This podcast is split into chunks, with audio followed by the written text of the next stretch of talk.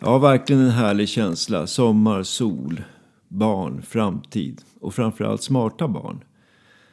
Hur kan vi som vuxna och föräldrar bidra och medverka till att barn utvecklar ett logiskt tänkande, förstår komplexa sammanhang och framförallt tar ansvar för sina handlingar? Är det möjligt och hur gör man i så fall? Tänkte bjuda på några nedslag från boken Smarta barn med berättelser och exempel om mänskligt beteende och vilka behov som både vuxna och barn har. Vad behövs och vad behöver vi göra för att utveckla ett logiskt tänkande så att barn och ungdomar klarar vardagens påfrestningar såsom skolan, relationer och sociala sammanhang. Barn använder empati för att utveckla samarbete. Men om vi som vuxna använder regler, ordning och reda för att utveckla samarbete så uppstår ofta kommunikationskonflikter. Barn önskar förståelse för sin oförmåga att klara vardagen medan vuxna vill att barn ska förstå hur de ska klara vardagen. Kommunikationskonflikten är uppenbar och ställer till med mycket besvär och osäkerhet. Exempel från boken. Det vill bara tala om vad som gäller. Ja, hur går det? Ja, ingen gör som jag säger. Det är verkligen helt hopplöst. Och ändå fortsätter du på samma sätt. Ja, det verkar ju inte så bra. Mm, så du skulle vilja göra lite annorlunda.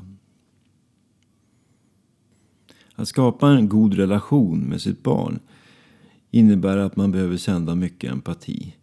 Och exempel på att sända empati är att man visar intresse för det barnet gör. Till exempel när man kommer hem så är det lätt att man säger hej, nu är jag hemma. Och hur intresserade är våra barn och ungdomar av det? Inte speciellt. Utan istället när jag kommer hem så går jag fram och runt och bekräftar de som är hemma och ser vad de gör. Beskriver handlingarna och berättar vad jag ser. Jag visar empati för deras eh, aktivitet. Därmed så kommer de bli intresserade av dig. Samarbete uppstår. Kontrollfrågor är verkligen besvärliga. När vi kontrollerar varandra istället för att försöka förstå. Kontrollfrågor kan vara till exempel, har du gjort läxan? Har du borstat tänderna?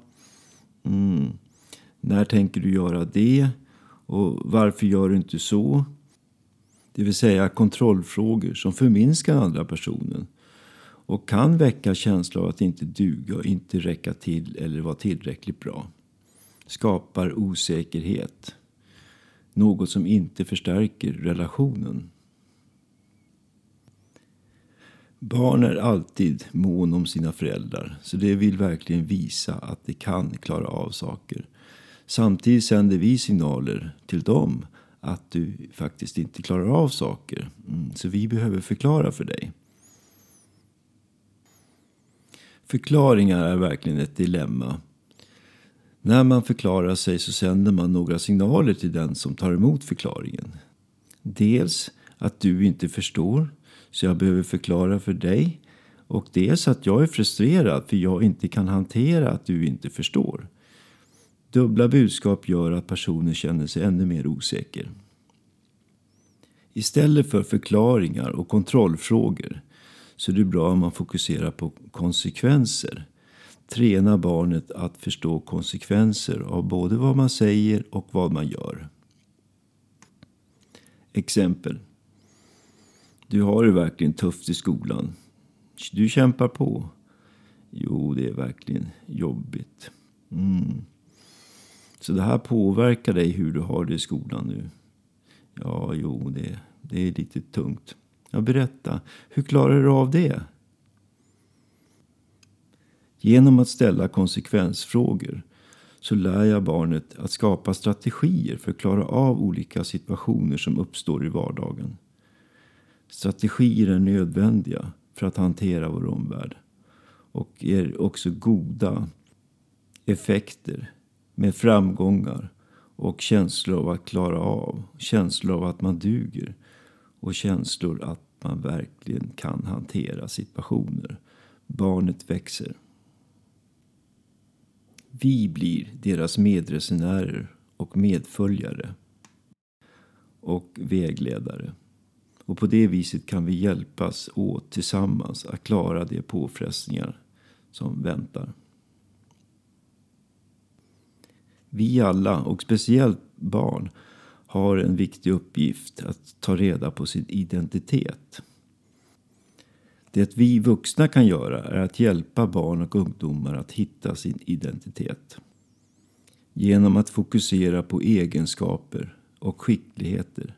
Att vi berättar vad vi ser. Att vi ser och uppskattar kvaliteter. Exempel. Du ser fundersam ut. Ja, jag vet inte riktigt.